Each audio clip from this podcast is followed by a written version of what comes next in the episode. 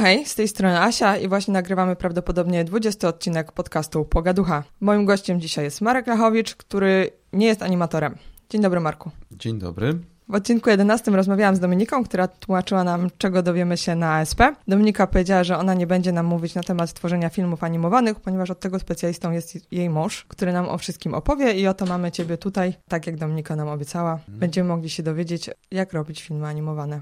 Tak bym chciała. Powiesz nam o tym? Spróbuję tyle, o ile mi wiedza pozwala. Okej, okay. tylko na początku e, zawsze przepytuję wszystkich e, tak terapeutycznie o ich dzieciństwo. Ty aktualnie, e, jeśli sobie zaczniemy ciebie googlować, to jesteś autorem takich postaci jak Człowiek Parówka, poprawnie, jeśli coś mm -hmm, mówię nie tak, mm -hmm. Czopek Piotrek, Grand Banda. Grand Banda, tak. I Gang Wąsaczy. Tak jest. E, stworzyłeś takie postaci i zacząłeś, z tego co wiem, dosyć wcześnie, więc może zacznijmy od liceum. W liceum już rysowałeś? Tak, no bo powiedziałeś, że stworzyłem takie postaci, ale widzowie mogą nie wiedzieć, co z nimi. One występują w komiksach, czy tam występowały w komiksach, które rysowałem już od, e, no, od bardzo dawna, po prostu. Ja już nie jestem takim młodym człowiekiem. A rzeczywiście, tak, już w liceum, ale jeszcze wcześniej, jeszcze w, szkole podstawowej e, zacząłem rysować komiksy, bo bardzo lubiłem je czytać, a wtedy, kiedy byłem mały, komiksów tak dużo nie było dostępnych w, gdzieś tam w kioskach czy w księgarniach, tak jak, tak, tak, tak jak to jest teraz. Więc y, te komiksy, które miałem u siebie na półkach,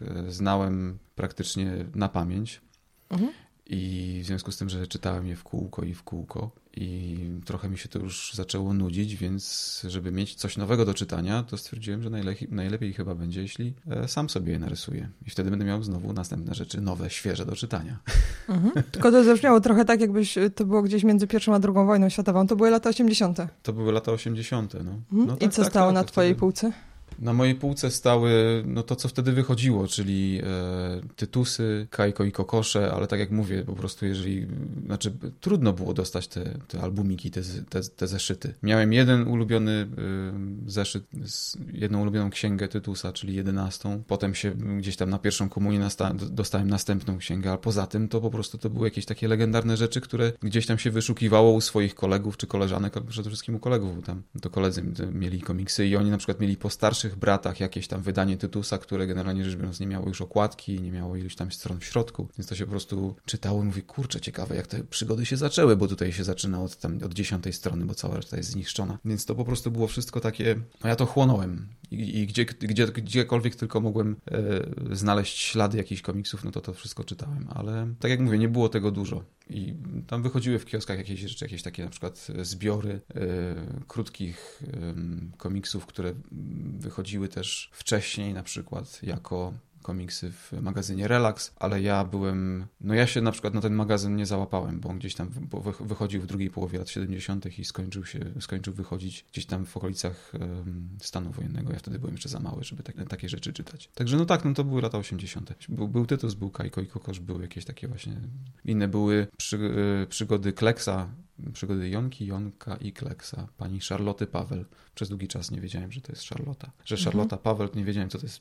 Może to jest, może to jest mężczyzna, który ma na imię mhm. Paweł, a na nazwisko Charlotta, ale to chodziło, że to jest pani Charlotta Paweł. I to był chyba taki w ogóle mój pierwszy komiks, przygody Jonki, Jonka i Kleksa, który jeszcze tam gdzieś rodzice mi kupili i i jeszcze czytali mi na początku, nie? bo ja tak jeszcze nie umiałem czytać, a potem po prostu. A potem czytali mi to tak dużo, że na przykład jak dla zabawy próbowali e, gdzieś tam jakiś dymek inaczej przeczytać, to ja mówiłem, nie, nie, nie, tutaj, tutaj nie, on tego nie mówi, on mówi tutaj cześć, a nie mówi hej, jak się macie i tak dalej, nie? Ale to była tylko fascynacja komiksem, czy ogólnie czytałeś też inne rzeczy? Czy jest coś takiego łudzącego w komiksach, że e, tylko komiksy dla ciebie się liczyły? E, komiksy przede wszystkim. Jak do czytania książek nie miałem jakiegoś tak, aż taki, takiego dużego parcia, takiej cierpliwości. No, to troszeczkę, czytanie książek jednak troszeczkę mnie męczyło za bardzo. Okay. Ale to jest kwestia tego, że to są... In...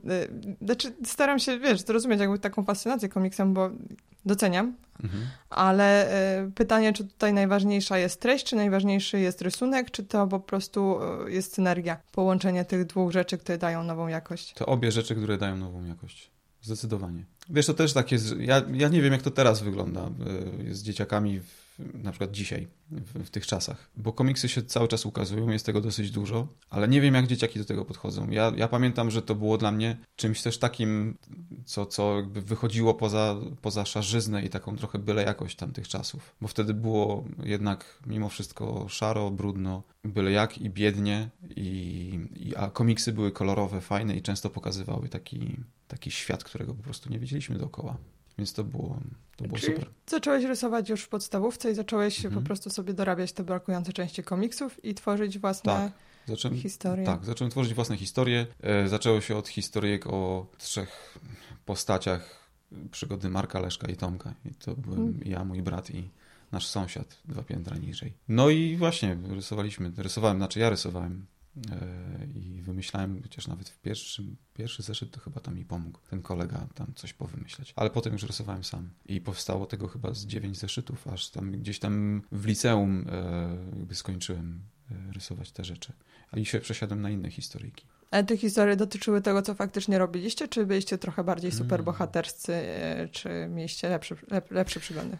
Wtedy w ogóle Właśnie nie było tych komiksów z superbohaterami i to, i to były też takie trochę postaci, które gdzieś tam widziałem, e, nie wiem, jakąś naklejkę, nie wiem, ze, ze Spider-Manem, czy gdzieś tam w telewizji poleciał film o Supermanie, ale generalnie się nie, nie kojarzyło komiksów za bardzo z superbohaterami. Teraz to przede wszystkim, prawda, superbohaterowie, a wtedy to były przede wszystkim tytusy, Kajka i Kokosze, Kleksy i przygody o wąsatych facetach, którzy wypełniali misje na Krecie, albo, no, albo był też kapitan Żbik i jemu podobni, czyli takie komiksy, które, które akceptowała ówczesna władza, bo w ogóle dla, dla, dla władzy komunistycznej komiksy no to jednak był przejaw imperializmu i, i, i, nie byli chętni komiksowi. I jedyna sytuacja, gdzie dopuszczali komiksy, no to było, było takie, jeżeli te komiksy spełniały, spełniały tą taką rolę propagandową, czyli pokazywały, jacy dzielni i bohaterscy są nasi policjanci, żołnierze, mm, no albo właśnie była to y, adaptacja serialu y, o Hansie Klosie, tak? Mhm. No to, to spoko, to, to było ok. A cała reszta była tak traktowana podejrzliwie albo, albo trochę niechętnie. Ale potem to się skończyło. Jak byłeś tak. w liceum, to już było... Tak. To już można było. Tak, tak, tak. No i, i te, te przygody, które myśmy rysowali, no to oczywiście, znaczy ja mówię, ja rysowałem i wymyślałem, to było oczywiście wszystko wzięte z jakoś tam przetworzone te komiksy, które ja sam czytałem, czyli właśnie Tytusy, czyli nie wiem, Funky Kowal, który się tam pojawił po drodze, albo, albo komiksy o kosmitach, którzy tutaj przy, y, przybyli na Ziemię i stworzyli ludzi i, to, i później naszą ludzką cywilizację pomogli stworzyć. Y, to były komiksy, które jakoś tam interpretowały teorię Ericha von Denikena.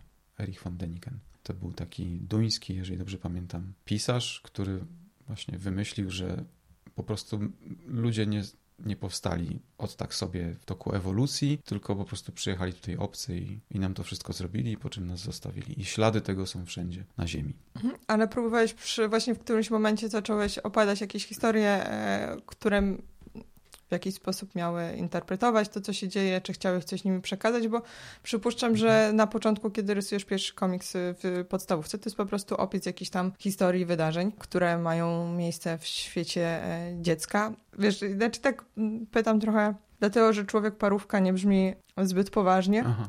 E, wiesz, i mogłoby się wydawać, że no, pytanie, jak, jak ty, y, czy ty coś próbowałeś tymi historiami przekazać jakoś, mhm. y, jakby mhm. po co to robisz?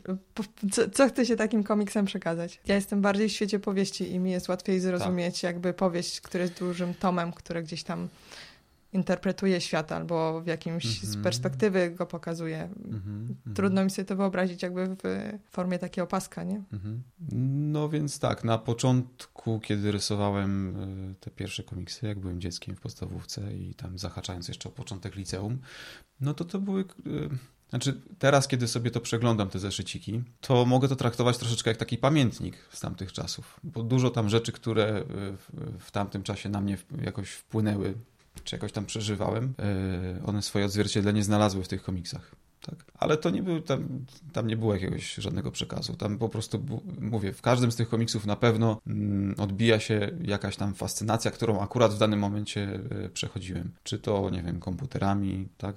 Nie wiem, jak mieli, mieliśmy mm, pierwszy komputer Atari i były tam gry, albo nawet jeszcze zanim ten komputer mieliśmy, mnie to strasznie fascynowało, więc zrobiłem jeden komiks o tym, jak, jak bohaterowie przenoszą się do jakichś tam różnych gier i tam przeżywają przygody. Albo wiadomo, że jako chłopak tam się interesowałem y, kosmosem, rakietami i tak dalej, więc, są zeszyty, które się dzieją w kosmosie i tak dalej, i tak dalej. A ten człowiek parówka, no to to już jest troszeczkę osobna historia. Po prostu ja w pewnym momencie się przerzuciłem na taki trochę e, abstrakcyjny albo nawet mocno abstrakcyjny humor. I widziałem, i to jeszcze w liceum, kiedy zacząłem rysować takie paski komiksowe o przygodach pana W, czyli pana Wołodyjewskiego. Bardzo się nudziłem na jednej z lekcji polskiego gdzie przerabialiśmy potop i to była podwójna lekcja, czyli dwie lekcje z rzędu y, języka polskiego i podczas tych lekcji nauczycielka poprosiła chyba jednego z uczniów, żeby zreferował całą książkę. No więc tam ktoś stał i opowiadał, cała reszta się nudziła, więc ja zacząłem rysować takie paski komiksowe o tym, że właśnie jest ten pan W i, i spotyka różne postaci na swojej drodze i, i każde spotkanie się kończy tym, że on i obcina głowę. Tak zacząłem te paski pokazywać ludziom w ławkach wokoło i wszyscy zaczęli się śmiać, bo to też dodatkowo do tego, że mieliśmy głupawkę. No wiadomo, w szkole, jak człowiek tak musi siedzieć i jest już zmęczony słuchaniem tego referatu na temat potopu, no to po prostu dostaje głupawki, więc tam dużo nam nie trzeba było. Tak, no i to y, myśmy wtedy też w, w szkole robili gazetkę szkolną. Ja ogarniałem ilustracje do tej całej gazetki i właśnie ostatnia strona należała do mnie i tam rysowałem te, y, te paski o przygodach panowu. Każdy pasek się kończył tak samo. I był to abstrakcyjny humor i się okazało, że to ludziom się podoba. I wszyscy mówili, a to czekam na następny numer, bo, bo tam jest, będzie pan W. Ja mówię, no super, ekstra. I to jakoś tak się potoczyło dalej, potoczyło dalej. I, a, a Człowiek Parówka to też znowu chęć takiego troszeczkę, trochę nabijania się z superbohaterów. Trochę fascynacja też serialami, serialami z Cartoon Network i tą, tą stylistyką, bo ja wtedy już zacząłem tak przynajmniej aspirować do tego, żeby rysować w takim stylu kreskówkowym bardziej. Dobra, bo ja bym chciała się w takim razie zatrzymać e, w tym liceum. Ty chodziłeś do Gdyńskiej Trójki. Tak. W odcinku 15 e, goszczę Grzegorza, który też chodził do Gdyńskiej Trójki mm. i mówi, że najlepszą rzeczą, którą go w tej szkole spotkały, były wagary. Mm. E, nie jest, e, nie ma ciepłych wspomnień, mhm. ale ty w tej szkole się e, znowu odnajdywałeś, przynajmniej w tym gazetkowym świecie, tak. robiąc te komiksy. Tak, Jak tak, to tak. wspominasz ogólnie liceum jako taką przygodę, która gdzieś cię rozwijała i ukształtowała i stamtąd poszedłeś dalej w kierunku rysowania, czy jako taki czas mhm. stracony? Wiesz, mam mhm. dużo młodych e, słuchaczy i oni gdzieś są na, w liceum i się zastanawiają, czy wszystko robią w porządku ze swoim życiem. Wiesz. E, liceum wspominam bardzo dobrze. Super. No, chyba najlepszy czas, jeżeli chodzi o moją edukację. Albo nawet nie chyba, na pewno najlepszy czas, jeżeli chodzi o moją edukację. W większości bardzo fajni nauczyciele, e, bardzo fajna szkoła, która w sumie pozwala e, uczniom się rozwijać w kierunkach, w których widać, że oni powinni się rozwijać. Także dużo złego o tej szkole nie mogę powiedzieć, wręcz, wręcz bardzo mało. Mhm. Nie, no to, to interesujące, nie? że jakby spojrzenie na jedną szkołę jest mhm. różny fakt, że Grzesiek tam chodził e, później. No może się coś zmieniło. No, to było, ja tam chodziłem w latach 90., także to jest e, pewnie było wtedy inaczej niż niż, nie wiem, powiedzmy, nie wiem, 10 czy ileś tam lat później. A jak to rysowanie komiksów jest, było odbierane przez właśnie twoje społeczeństwo? Mówisz, że w liceum super, że czekali na te kolejne paski. No, część na pewno. No, ci, którzy, ci, którzy, mm, jakby, ci, którym się to podobało, no to mówili mi o tym, więc super. Zawsze takie coś dla mnie wiązało się z, z, z taką pewną rezerwą, dlatego że co innego, jeżeli y, mówią o tym, że y, że im się to twoje rzeczy podobają twoi znajomi albo rodzina, a co innego, jeżeli o tym mówią kompletnie obcy ci ludzie. Bo to jest e, jakby dopiero taki, powiedzmy, przynajmniej z mojego punktu widzenia, tak, taka duża, duże, duże potwierdzenie, czy, czy coś jest, e, czy to, co robisz, jest w porządku, czy nie. A miałeś e, jakieś inne plany odnośnie swojej przyszłości? Bo czy uważałeś, że ty chcesz zajmować się właśnie filmami czy komiksami? Właśnie mhm. interesowała ciebie ta Cartoon Networkowa kreska i wiedziałeś, że w tym kierunku będziesz szedł? Czy miałeś taki czas, że szedłeś w inną stronę? Hmm. Poważna praca, wiesz, może mm. garnitur? Tak, tak było. Dlatego, że y, zewsząd słyszałem, że oczywiście e, rysowanie fajnie, fajnie, że masz takie hobby, ale to generalnie pieniędzy nie przyniesie. Więc poszedłem na takie mm, studia typu zarządzanie. Jestem magistrem rachunkowości, pracowałem jako księgowy, jako handlowiec, jako, e, jako menedżer. E, no i wszystko było w sumie fajnie. Ja tam, znaczy, może jeszcze zależy, która praca, ale generalnie tam wydaje mi się, że nie szło mi źle. No ale w pewnym momencie e, tak się poukładało życie, że że pojawiła się okazja do tego, żeby jakby zarabiać rysując. A, a w tym czasie, kiedy ja pracowałem jako taki, miałem to takie zwykłe prace, tak? Mhm. E, szczególnie wtedy, kiedy ta praca może niekoniecznie była to, kiedy to miejsce pracy na przykład nie, nie, nie szczególnie mi odpowiadało, no to miałem takie momenty, że mówię, kurczę, no idealnie by było, gdybym po prostu mógł siedzieć w domu i rysować. To, to było super i tak zarabiać na życie. Czyli ty nie poszedłeś e, na Akademię Sztuk Pięknych? Nie, nie poszedłem poszedłeś studiować e, rachunkowość. Tak. E, I, e, ale w międzyczasie rysowałeś? Na studiach rysowałeś? Tak. Będąc księgowym rysowałeś? Czy mhm. po prostu już tam sobie. Nie, rysowałem. To, to było fajne, bo to był jakiś taki, można powiedzieć, wentyl bezpieczeństwa. Udało mi się załapać do mm, dzisiaj pewnie odbieranego jako kultowy, i wtedy chyba kiedyś ukazywał też, magazynu komiksowego Produkt. Mhm prowadzonego przez Michała Śledzińskiego, czyli Śledzia, jednego z takich no, najbardziej znanych i uznanych komiksiarzy w Polsce. No i tam była taka cała ekipa młodych y, twórców, którzy po prostu rysowali bardzo zwariowane y, komiksy. I to przez parę dobrych lat się ukazywało. Ja od pewnego momentu też tam zacząłem umieszczać swoje rzeczy i właśnie y, umieszczać tam komiksy z człowiekiem parówką. Mhm. Potem doszła jeszcze Grand Banda. Um, Bo ty jesteś tam, e, ja bym chciała, wiesz, się dowiedzieć, jak powstaje taki komiks. Ty jesteś e, scenarzystą, to, tak, w komiksie? Mhm. Się, e, nie, piszesz scenariusz i robisz rysunki. Tak. A co jeszcze jest w komiksie? Czego jakby komiks jest często pracą zbiorową. E, ty robisz to z, mhm. często z e, współtwórcami. To Czy znaczy, nie zawsze? E, nie, właśnie wydaje mi się, że znaczy już, już, już wyjaśniam. Um, są komiksy takie, które są biznesem takim mocnym i to jest w Stanach, ale też i w zachodniej Europie też tego dosyć dużo jest. We Francji czy, czy w Belgii. I to są komiksy, które są rysowane e, w taki sposób, że mamy właśnie scenarzystów, mamy rysownika, mamy kolorystę, mamy, mamy człowieka, który w Stanach jest, są też ludzie, którzy szkicują, później są ludzie, którzy nakładają tusz tak, na to, mhm. co inni, inny naszkicuje, później są ci, którzy kładą jeszcze na to kolor i są później ci, którzy jeszcze wstawiają liternictwo do dymków i w ogóle ustawiają dymki w tych kadrach. Więc można ten proces y, jakby sobie bardzo ładnie porozkładać i on może być takim, to może być praktycznie jak produkcja y, taśmowa. Mhm. No, ale są też komiksy autorskie, które są od A do Z rysowane przez, przez jedną osobę. W moim przypadku to jest tak, że ja, jeżeli chodzi o Człowieka Parówkę, o te e, albumiki z, z Człowiekiem Parówką, które, które udało się wydać, tworzyłem je jeszcze razem z moim kumplem Tomkiem Kuczmą, który e, kładł tam kolor, bo ja tego nie czułem i mi się nie chciało. Okej, okay, ale y, czyli może być tak, że wiesz, ja teraz bym chciała zrobić komiks o na przykład przy, przygodach Super Asi, nie? Mhm. E, tak to widzę. E, to wymyślam sobie scenariusz, mhm. e, co ta Super Asia miałaby zrobić. Ona mhm. prawdopodobnie miałaby uratować świat. Wymyślam sobie, e, w jaki sposób e, ten świat powinna uratować. Wymyślam sobie jakiś tam naturalnie antagonistę, gdzieś musi mi przeszkadzać, musi mhm. być jakaś podróż bohatera. To sobie rozpisuję zgodnie z tym, jak historia zazwyczaj się opowiada.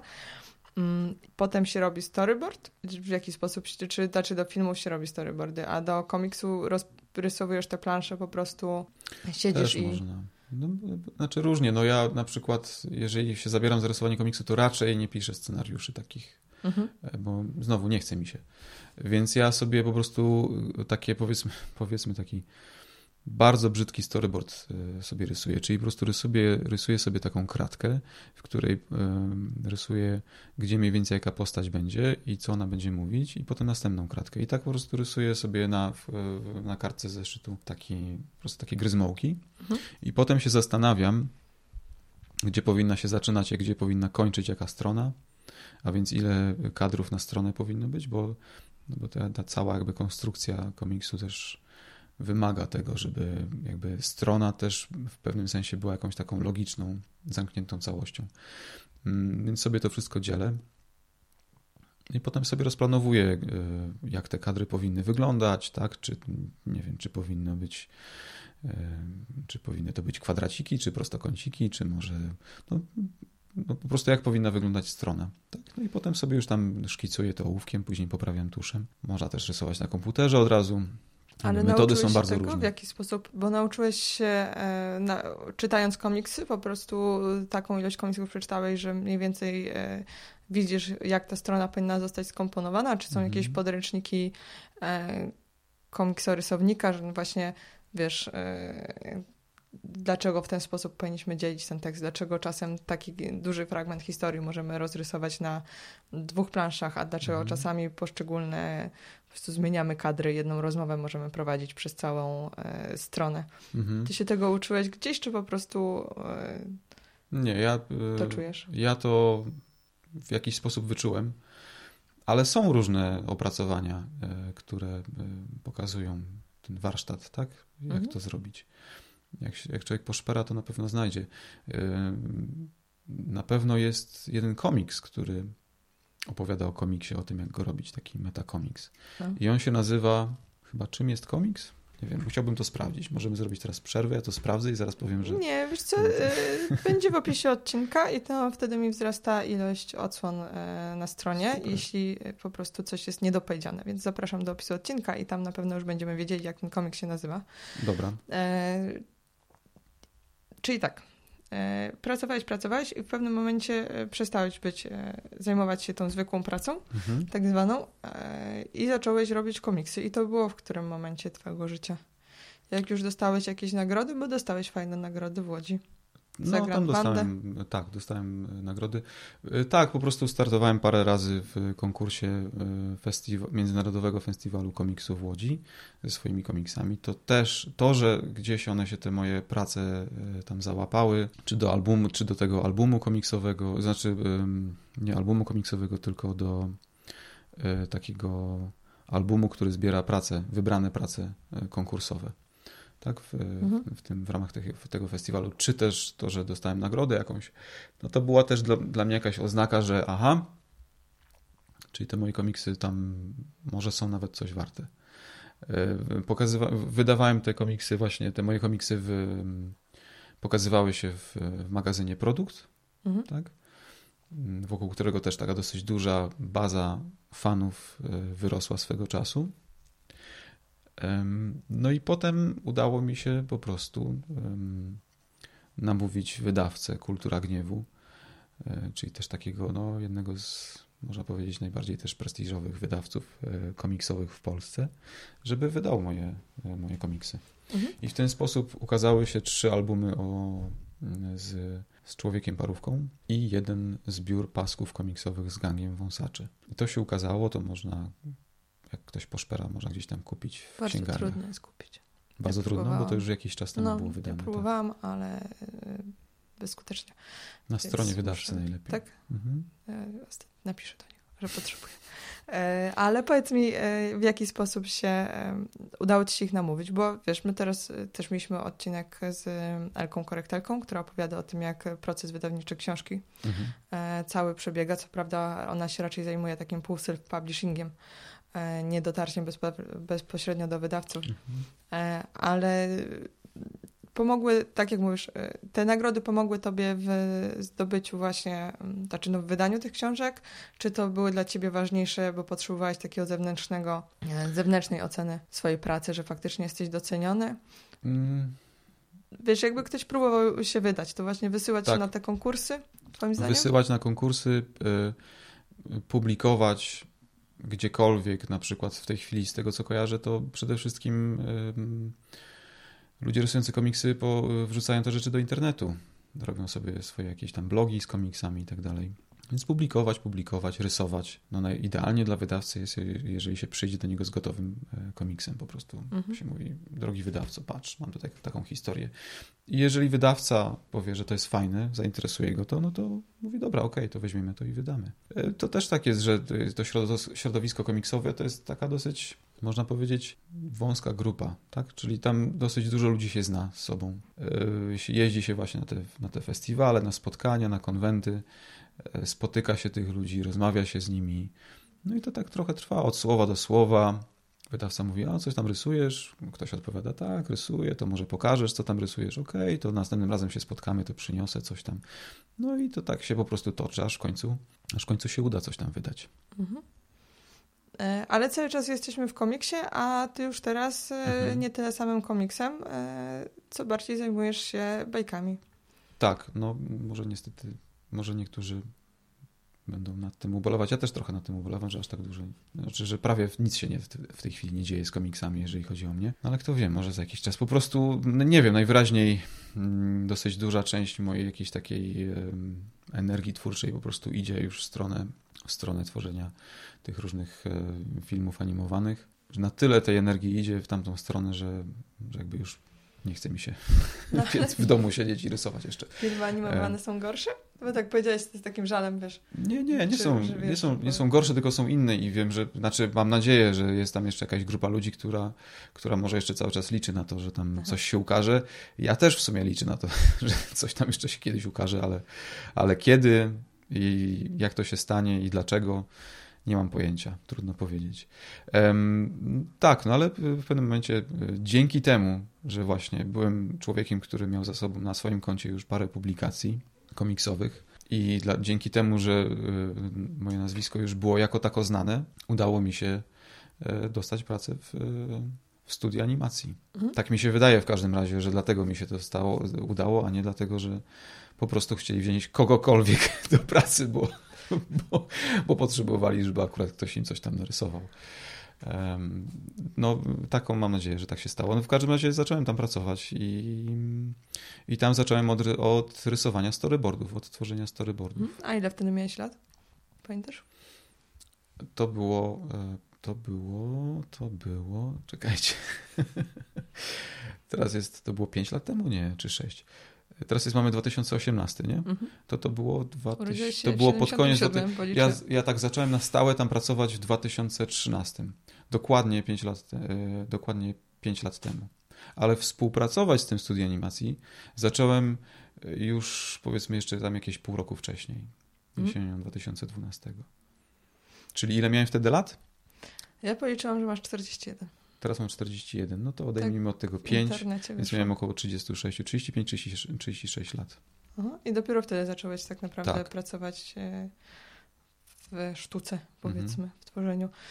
I e, storyboardy, czyli ktoś wymyślał na, na czym polega tworzenie storyboardów? Ty sam nie wymyślałeś e, bajki ani niczego. Nie, mamy scenariusz mhm. i wtedy albo samodzielnie, albo z reżyserem siada się i czytając scenariusz, scena po scenie, dialog po dialogu, czy kwestia po kwestii, czy opis po opisie, zastanawiamy się, jak pokazać to na ekranie, to co jest napisane w scenariuszu. Tak? Czyli ujęcie po ujęciu, scena po scenie, po prostu e, rysujemy Mm, to, co chcemy, żeby ostatecznie było na ekranie. A jesteś w stanie nam y, pokazać y, jakiś wyrywek scenariusza, na przykład pół strony wynieść z pracy za zgodą przełożonych, wiesz, żeśmy zaczęli, jak mhm. wygląda scenariusz filmu takiego animowanego?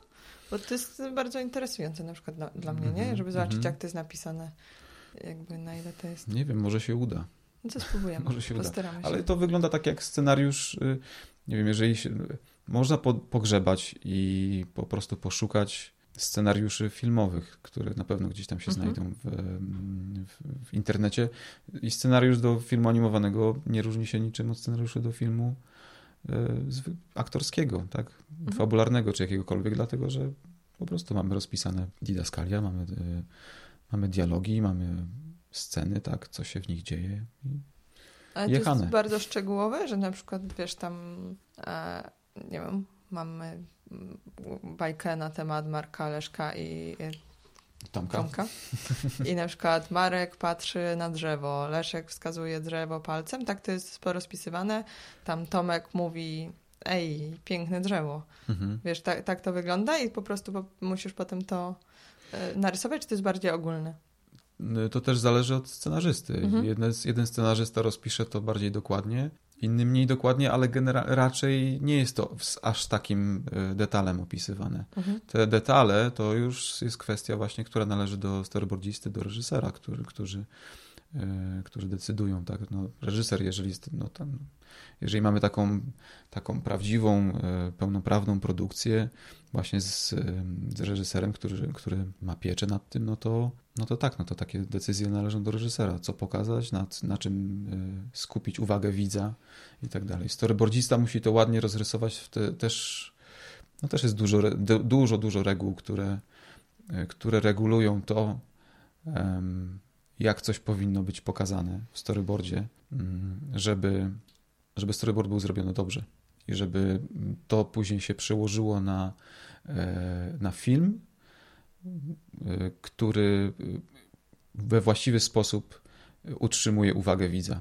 Tak? Że, że oczy widza na przykład są zawsze zwrócone we właściwą stronę, w, zawsze patrzą na, na tą rzecz, którą my chcemy, żeby on akurat widział w tej chwili. Ale to trochę jak sztuczki takiego magika, który musi skupić Mhm. twoją uwagę na tej ręce, którą robi sztuczkę, a nie na tej ręce, którą coś sobie wyciąga z rękama. No tak, tak, tak. I tego się nauczyłeś e, w pracy już? Yy, tak, i się uczę dalej. Mhm. Się cały czas uczę. Dobra, a jak już zrobimy te storyboardy, to potem co się dzieje z filmem? Bo to są e, takie odcinki 10-minutowe zazwyczaj, czy wy też robicie jakieś No, pełnometrażówki? różne, różne. No, robimy i reklamy, i, em, i takie właśnie bajki dla dzieci, które trwają po 10 minut, trochę mniej. Robimy takie, y, robimy y, kreskówki, które są od razu puszczane do internetu. One na przykład czasami mają po 7 minut, czasami jeszcze mniej, czasami trochę więcej. No bardzo różne rzeczy, więc nie ma reguły. No to też będzie w opisie odcinka po jakiś odcinek internetowej. Mhm. Coś, coś nam wybierzesz, co chciałbyś nam Mhm. pokazać. Marku, powiedz mi jeszcze, e, kto rysuje potem e, już poszczególne klatki?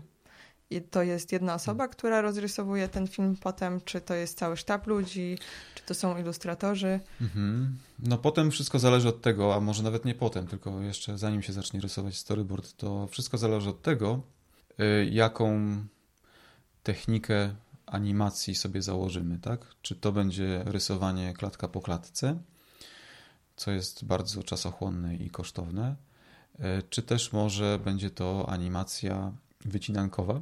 A więc animacja wycinankowa polega na tym, że mamy przygotowane już w komputerze, ponieważ teraz wszystko się dzieje w komputerach. W komputerze mamy przygotowane postaci, e, które są rozrysowane w taki sposób, że mamy taką postać narysowaną z każdej możliwej strony, czyli od przodu, od profilu, od tyłu, tak? E, Ma narysowane rączki, nóżki i mm, to troszeczkę przypomina takie, e, takie pajacyki albo takie kukiełki, które można poruszać niteczkami Mhm. w rzeczywistości. I ta postać, która jest tak, tak narysowana, ona ma po prostu takie niewidzialne stawy, tak, i te niewidzialne niteczki, którymi po prostu animator może poruszać. I w ten sposób, i w ten sposób się to animuje. Klatka po klatce też oczywiście. Ale jest, to o wiele, ale jest to o wiele łatwiejsze, dlatego że te postaci są już narysowane i po prostu tylko nimi ruszamy. To tak jakbyśmy robili film animowany z ludzikami Lego, o, na przykład, tak? które są już gotowe i po prostu możemy sobie e, robić klatka po klatce, ustawiać tego ludzika jak taką kukiełkę. W technice takiej po, poklatkowej, tak? Tak. Mm, I, I teraz to wygląda w ten sposób, że jeżeli mamy ten storyboard narysowany, wiemy jak te postaci będą wyglądały. Zazwyczaj najpierw projektujemy postaci, dopiero potem rysujemy storyboard. Tak? Czyli te postaci są już przygotowane, narysowane, przygotowane pod animację. Storyboardzista robi swoje. Potem robi się animatic, czyli jeżeli jest to e, serial, gdzie e, no, na- znaczy to nawet niezależnie od tego, czy jest to serial, gdzie mamy wypowiadane kwestie, czy to jest, czy, czy to jest może, nie wiem, jakby niemy film, to jest nieważne. Po prostu mamy zawsze jakiś tam dźwięk, czy, na, czy narratora, czy, czy jakieś kwestie wypowiadane przez różne postaci. Robimy, korzystając z tego storyboardu, taki, mm, taki film animowany na brudno. Czyli na osi czasu ustawiamy te wszystkie obrazki, które zostały narysowane w storyboardzie i stworzymy z tego taki film, który po prostu jest sekwencją narysowanych wcześniej obrazków. Gdzie niegdzie jest to dokładniej narysowane, gdzieś e, te, jakby te postaci są wypozowane, żeby animator musi wiedzieć, jak postać powinna wyglądać w kluczowej pozie. I tych kluczowych pust tam w tym storyboardzie jest trochę. Ogląda się takie coś, taki ten film na brudno, sprawdza się, czy to działa, czy nie, co trzeba poprawić, ewentualnie coś trzeba poprawiać, zmieniać i tak dalej, i tak dorysowywać. Kiedy już jesteśmy na 100% pewni,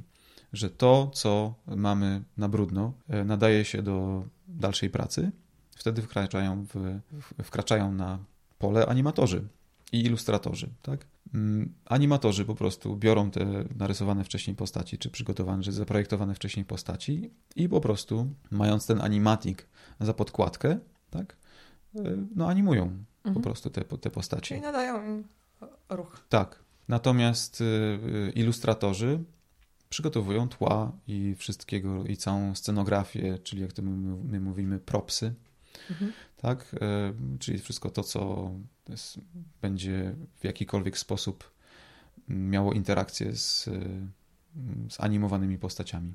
A, bo to tło się często jakby nie rusza, tak? Po prostu mamy niebo, mamy górkę rusza, i mamy tak. drzewo i to drzewo niekoniecznie w takim e, kreskówkowej formie musi gdzieś tam poruszać tak. gałęziami. Tak? No tak. Chyba, że to jest istotne dla sceny, no ale to wtedy tak. będziemy animować drzewo i wtedy się tym będzie zajmował animator. Mhm. Dobrze no rozumiem? Tak. No, dobrze. I animator często, um, kiedy animuje postać, to nie widzi nawet tego tła, które będzie później ostatecznie. On sobie, on sobie animuje samą postać w oderwaniu od, ona jakby lata sobie w pustce. I dopiero potem E, mamy coś takiego, co się nazywa compositing, czyli ktoś, pamiętam, że ktoś kiedyś porównał to do, kiedy mamy już wszystkie składniki ciasta gotowe i to ciasto już jest nawet wymieszane, wkładamy je do formy i potem wkładamy do piekarnika i czekamy, żeby ono było już ładnie wypieczone na takie dobre ciasto. To to właśnie compositing jest, to jest ten moment, kiedy to ciasto wkładamy do piekarnika. Po prostu kompozyter, kompozyter e, to jest człowiek, który te wszystkie elementy, które wcześniej zostały przygotowane, czyli animacja postaci, e, e, elementy scenografii, tło, ruchy kamery i tak e, dźwięk, wszystko składa w jedno. Tak? Montuje z tego po prostu gotowy film. Oczywiście na każdym etapie tej pracy wszystko dzieje się pod czujnym okiem reżysera, który mm, komentuje zawsze to, co animatorzy robią no bo reżyser w filmie aktorskim oczywiście pracuje z aktorami i im mówi, co mają robić, w jaki sposób. Natomiast w filmie animowanym nie ma aktorów, są te postaci i to, no i to animatorzy nimi poruszają, więc, więc reżyser pracuje z animatorami i mówi im, co oni mają robić, żeby te postaci się zachowywały tak, jak sobie reżyser wyobraził. A jak ten e, produkt końcowy e, odbiega od tego pierwszego? No bo jeśli rysujesz storyboardy na początku, to mm. na mhm. pewno masz jakąś swoją wizję, koncepcję mm. i e, wyobrażasz sobie ten efekt końcowy. Tak. A potem widzisz ten realny efekt tak. końcowy. Mm. często to się bardzo rozjeżdża, jakby z tym twoim pierwotnym wyobrażeniem? No, jasne, że to się rozjeżdża. I na dobre, i na złe, jak to można powiedzieć. I czasami jest tak, że kiedy widzę gotowy, e, gotową rzecz, tak, na przykład, nie wiem, jedyne co ja miałem z tym wspólnego to to, że zrobiłem ten storyboard i animatic i potem już nic z tym nie robiłem, potem przejęli to inni ludzie i potem widzę efekt końcowy, to czasami jest coś takiego, że, sobie, że mówię sobie, no kurczę, nawet naprawdę fajnie to wyszło wszystko, a czasami mówię sobie, ojejku, to Myślałem, że to będzie troszeczkę inaczej wyglądać. Myślałem, że, że coś tam będzie inaczej zrobione. No ale to jest, no tak to wygląda. To jest jakby, jeżeli ja coś rysuję, to jasne, że mam swoje jakieś tam wyobrażenie na ten temat, ale, ale jeżeli nie jestem reżyserem tego, tak, no to, to nie jest później już moja decyzja, co z tym dalej zrobić. Mhm. Jeżeli reżyser ma inną wizję, to to jest jego święte prawo do tego, żeby mieć inną wizję. I to, co później on z tym jakby dalej zrobi, no to to już to już jest jego sprawa. Może mi się to bardzo podobać, może mi się to mniej podobać, no ale to już jest moja opinia, tak samo jak później widzów, którzy to oglądają. Czyli to jest taka bardzo zespołowa gra. Oczywiście. A ile to, trwa, wyprodukowanie? Znaczy, jeszcze hmm. cały proces. Bo tak, ja widziałam Grand Bandę mhm. y, dwa lata temu. Mhm. Pierwszy odcinek, taki jeszcze z głosami podłożonymi chyba przez was właśnie mhm. na surowo gdzieś, żeby sprawdzić, jak to wszystko zadziała. Mhm. Minęły dwa lata i y, na jakim etapie jest robię. A to już był taki bardzo zaawansowany etap, tak mi się wydaje, dwa lata temu, bo to już y, wszystko było rozrysowane. Był pierwszy odcinek, tak, piloto, y, pilot zrobiony i tak. mieliście już napisany scenariusz kolejnych odcinków. Um, no tak, Grand Banda to jest serial animowany, który robimy właśnie w naszym studiu animacji, bazując na moich komiksach. Ten myśmy ten koncept z moich komiksów wzięli dosyć mocno przetworzyli, tak żeby on pasował do potrzeb powiedzmy rynkowych, tak? Żeby to w ogóle gdziekolwiek dało się, żeby jakiekolwiek telewizje się wokół tego w ogóle zatrzymały i spojrzały na to i powiedziały, a może byśmy mogli to puszczać, no to trzeba było to dosyć mocno zmienić w stosunku do tego, co było w, w, w komiksach, ale i tak, i tak e, powiedzmy to takie jądro zostało, czyli Czyli są tam dwie babcie, które są bardzo dziarskie i mimo tego, że wiek sugerowałby, że powinny siedzieć w fotelu i robić na drutach, to one jednak mają dużo przygód i lubią często wychodzić na miasto. Mhm. No w każdym razie, e, tak, e, pracowali, pracujemy nad tym już bardzo, bardzo długo. Jest to kilka dobrych lat ale to dlatego, że to tyle trwa. E, proces e, pracy nad e, filmem animowanym polega na tym, że bardzo, bardzo długo trwa ten etap przygotowania, czyli dopieszczania pomysłu, upewniania się, że na pewno to jest wszystko, że, że jakby to, co wymyślamy, jest na pewno w porządku, że to wszystko gra. I wtedy, kiedy mamy ten cały koncept i też spiszemy scenariusze, które jesteśmy pewni, że są w porządku i że to z tego będzie dobry materiał na, na film animowany. Um, I kiedy sobie też opracujemy całą koncepcję graficzną na ten serial, dopiero wtedy, kiedy to już wszystko mamy gotowe, tak, a to trwa naprawdę, może trwać parę lat dobrych, kiedy już wiemy, że to już jest ok, no to możemy się przystąpić do, mm, do animowania i tworzenia kolejnych odcinków, i wtedy ten proces już trwa stosunkowo y, krótko. Stosunkowo, ale też, też nie jest to mhm. wcale tak, y, takie, takie hop -siup. No bo ten e, serial trzeba komuś sprzedać, tak? No bo to nie jest tak, że sami sobie zaczniecie go. Znaczy, część rzeczy można w jakiś sposób w internecie publikować mhm. prawdopodobnie, ale to mhm. też trzeba w jakiś sposób na tym zarabiać i to e, mhm. musi się zwracać przynajmniej, a tak. prawdopodobnie nie jest to łatwe. No nie no, y, problem polega na tym, że stworzenie filmu animowanego, takiego, który wygląda na takim poziomie, mm, no tak jak kreskówki, które możemy oglądać w telewizji, no to jest to jednak, jest to bardzo czaso i pieniądz, pieniądzochłonne, chłonne, tak? Mhm. Bardzo to dużo pieniędzy kosztuje. E, I nie jest to zbyt opłacalny, zbyt opłacalna rzecz i bardzo ryzykowna. Całe szczęście w Polsce mamy takie instytucje jak na przykład y, Polski Instytut Sztuki Filmowej, który co roku mm, współfinansuje dużą część produkcji, które y, produkcji różnych, tak? Bo mhm. mamy i filmy fabularne, i seriale, ale też, i czytam filmy dokumentalne, ale też właśnie animacje. Gdyby nie PISF, e, praktycznie podejrzewam, że polska animacja dalej prawie by nie istniała tak? Albo mielibyśmy tylko Władców Much i blok ekipę. A tak mamy, oczywiście ja nie mówię, że to są złe animacje, tylko mhm. no, y, są to animacje, które akurat, którym się akurat udało, osiągnęły komercyjny, komercyjny sukces i super. No ale też y, chcemy fajnie by było, żeby tego było więcej, żeby była dosyć duża różnorodność, żeby mogły to oglądać i dzieci w przedszkolu, i dzieci w podstawówce, a nie tylko na przykład, nie wiem, gimnazjaliści czy, czy licealiści, czy tam jeszcze starsi, tak? E, także to jest super. No ale to też jest tak, że to trzeba, to też trwa, tak? Pieniądze, pieniądze na produkcję takiego serialu, o takie pieniądze też trzeba się postarać, trzeba je wywalczyć, trzeba je, no jakby trzeba się trochę nachodzić, tak? No i tutaj u nas też tak właśnie to wyglądało, że najpierw wnioskowaliśmy o pieniądze na właśnie, na tak zwaną preprodukcję, czyli to wszystko, o czym chwilę temu powiedziałem czyli przygotowanie jakichś tam zarysów, przynajmniej zarysów scenariuszy, przygotowanie na pewno scenariusza pilota, przygotowanie pilota, przygotowanie koncepcji graficznych. To dużo trwało. Myśmy przygotowali to wszystko. To też nam pozwoliło jakby ocenić, że to jeszcze do końca nie jest to, że jeszcze musimy troszeczkę ten, ten cały koncept dopieścić. No i znowu e, staraliśmy się po, po jakby po osiągnięciu mhm. tego etapu, który miałaś okazję, mm, miałaś okazję obejrzeć dwa lata temu, no później staraliśmy się znowu o pieniądze już na produkcję mm, serialu, tak? I udało się te pieniądze pozyskać, to chyba prawie rok temu albo nawet rok temu e, padła informacja, że tak, że PiS przyzna nam pieniądze mhm.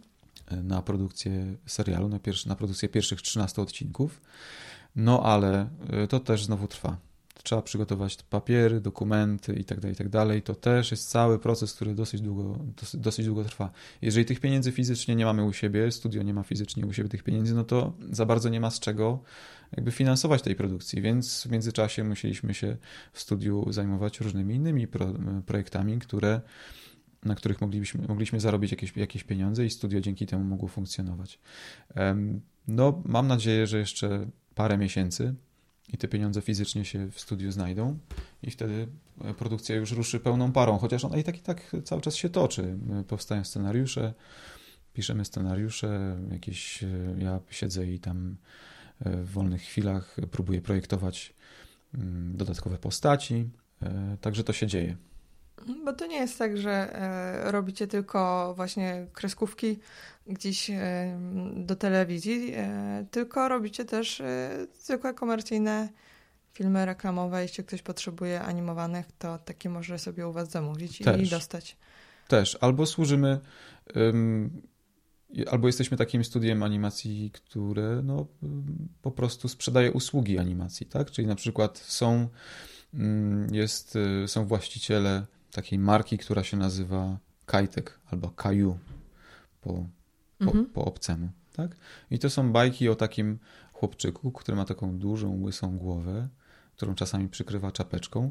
Wiele dzieci kojarzy tą bajkę. I to jest chłopczyk, który ma swoją młodszą siostrzyczkę, ma E, tatę i mamę, no i przeżywa przygody takiego typowego przedszkolaka.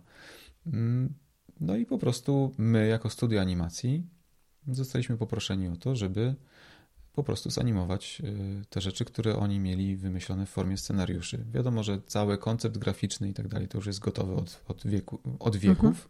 tak? Natomiast my po prostu robimy to u siebie.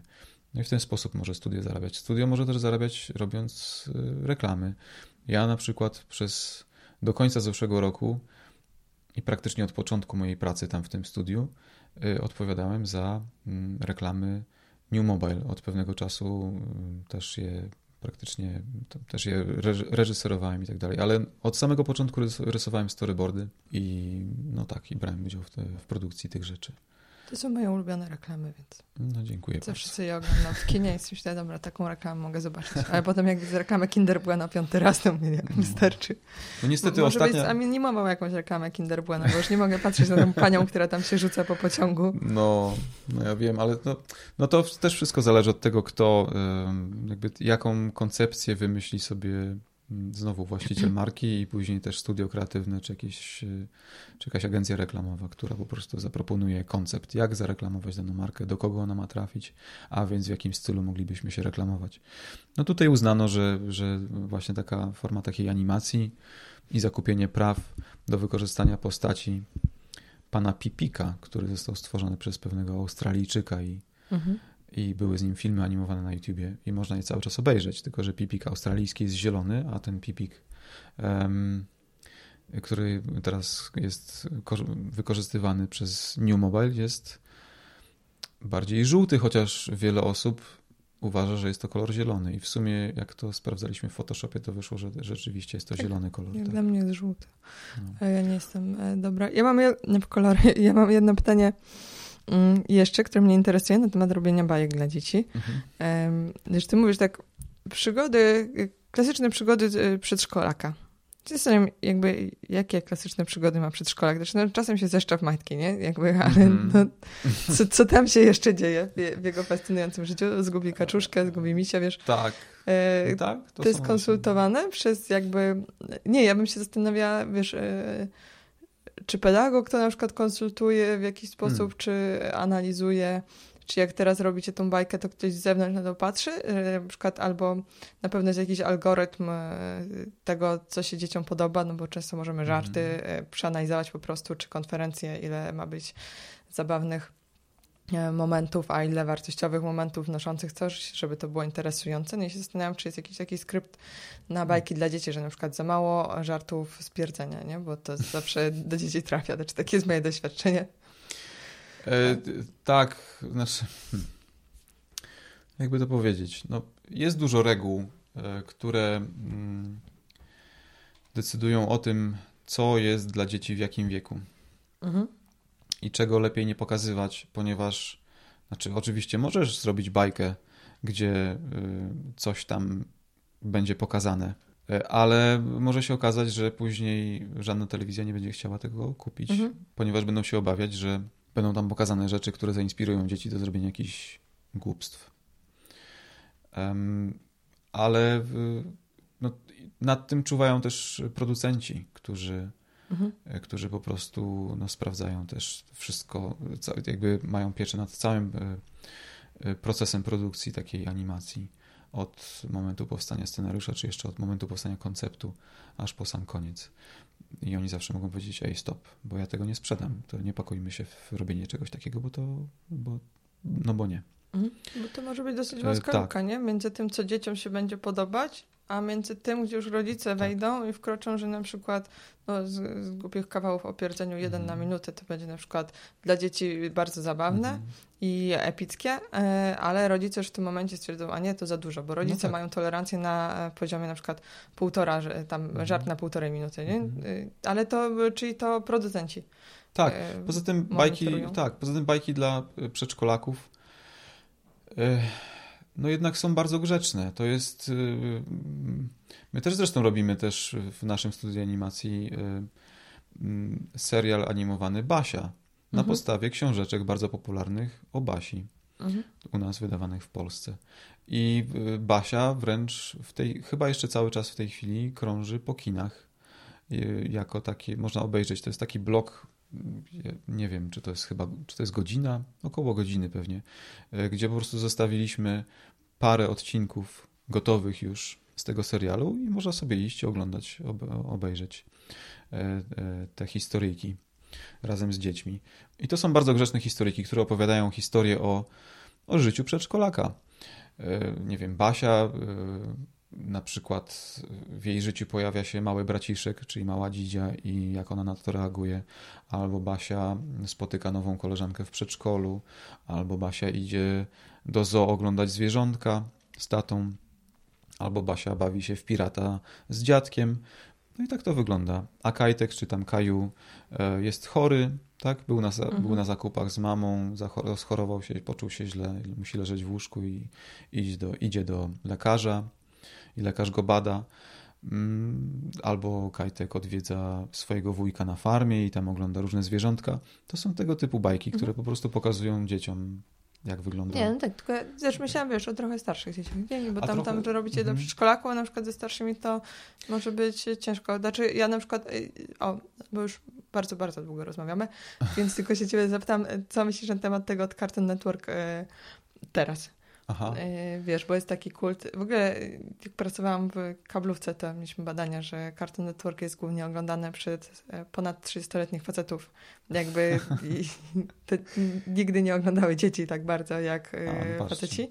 Tak, takie są badania na temat tego, kto ogląda.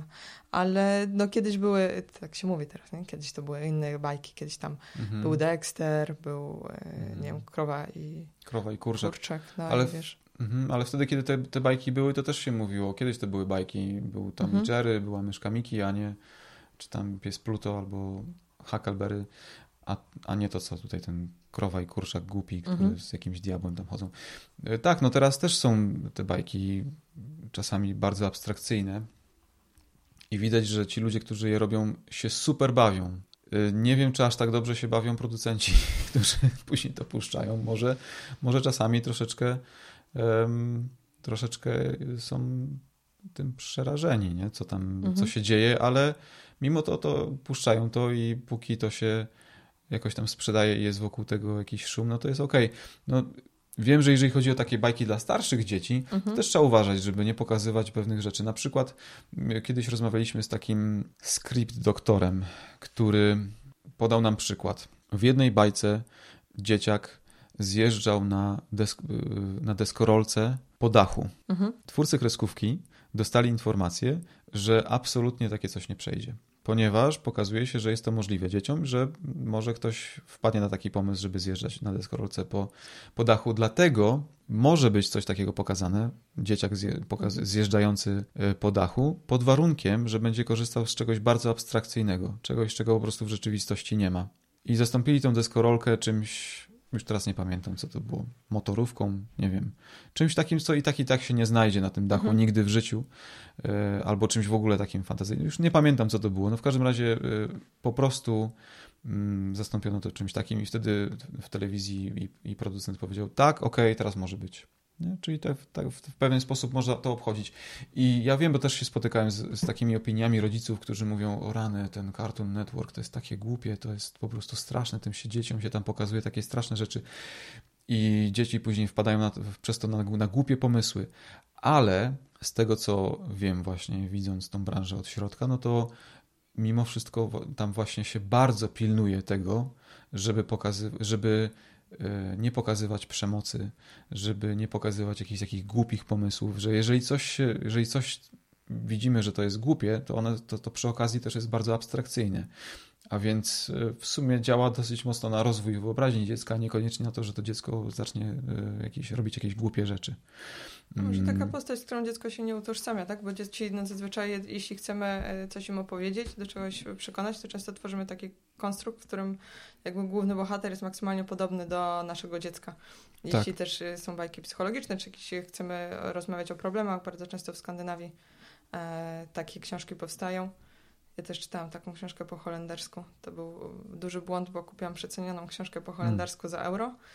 I myślałam, że to będzie prosta książka dla dzieci, a to była holenderska książka na, do przepracowania traum związanych z molestowaniem. I ja się zorientowałam na stronie 50, bo po holenderskim jest tak mo- mocnym językiem, że ja go nie rozumiem do końca i musiałam przeczytać 50 stron, żeby się zorientować, że ja naprawdę czytam to, co czytam, ale y, i więcej nie kupuję książek za euro na wyprzedaży, ale do czego zmierzam? No, że to jest taka forma, że właśnie to, to, ten bohater musi być bardzo podobny do dziecka, żeby dziecko zrozumiało jakby, że pewne rzeczy, które tam się dzieją, czy rozwiązania przyniosło na siebie, tak? Czy nie wiem, jeśli ktoś był niegrzeczny, jadł za dużo ciastek i bolał go brzuch, no to jeśli opowiadam taką historię mojej córce, to zazwyczaj to będzie no, 11-letnia blondynka, która dokonała takiego, e, takie, więc może jeśli to jest złe rzeczy się dzieją, to znaczy takie głupie, no to jeśli to zrobi jakiś diabeł w, z kreskówki, z którym no, się nie utożsamiamy, to on sobie może pozwolić na więcej.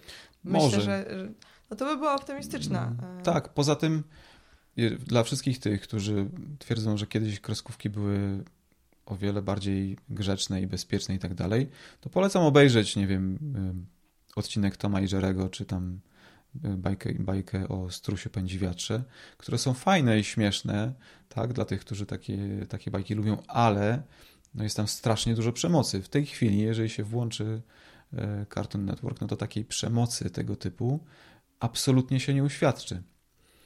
E, No chyba, że mamy, nie wiem, jakieś Ninja Go czy coś takiego. No ale oni, to, to, to po prostu jest wpisane w koncept, że oni tam między sobą walczą, ale to też podejrzewam, że jest pokazywane w zupełnie inny sposób, jeżeli w ogóle jest pokazywane, niż, niż po, było pokazywane kiedyś, gdzie tam się po prostu nie, zwierzęta taka napieprzały po no, mordach i... Chmura dymu i to już było po walce. Tam nie widzimy chyba, jak ktoś kogoś No. bezpośrednio okłada Tak, tak, tak. No albo jest to pokazywane jako taka, nie wiem, jako sztuka walki, jakiś balet czy coś takiego, no to to jest zrozumiałe. To było, jest i będzie.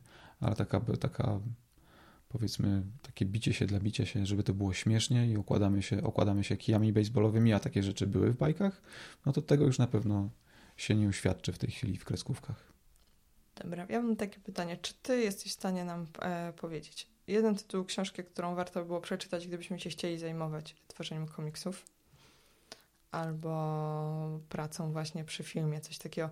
Niekoniecznie wiesz komiksowego, tylko po prostu na przykład o kreatywności, czy jakiś. Jest tak, mówię, jest ten komiks, Mhm. ale muszę go znaleźć. E, znajdziemy. I zaraz powiem. Momencik. Tak. Jest to komiks, można powiedzieć nawet metakomiks, Zrozumieć komiks Scotta McClouda, wydany przez Kulturę Gniewu. No i tam praktycznie od A do Z można zobaczyć warsztat y, związany z tworzeniem komiksu. Mhm. A komiks, który każdy powinien przeczytać. Jeśli ktoś e, nie czyta komiksów, y, nie rozumie, ale chciałby jeden interesujący komiks. Tytus Romek i Atomek. Dowolna księga od pierwszej do powiedzmy, nie wiem, osiemnastej. Chyba, chyba nie, nie wiem. Jeśli ktoś nie widział nigdy Tytusa, Tytusa, to proszę dajcie mi znać. Będziecie gościem odcinka, będziecie opowiadać o tym, jak żyliście schowani przed popkulturą. E, a coś jeszcze? To czy... No, może, może zostawmy z tym. Ja polecam, jeśli ktoś jest z Trójmiasta, w Gdańsku, w Galerii Bałtyckiej jest biblioteka i tam jest wielki dział komiksów i to są komiksy przeróżne, różne tematy. A, przepraszam, w Galerii Manhattan, tak. Jest biblioteka i tam są przeróżne komiksy na zupełnie różne tematy. Ja spędziłam tam po prostu dwie godziny życia. Takie komiksy czasem się czyta w 10 minut.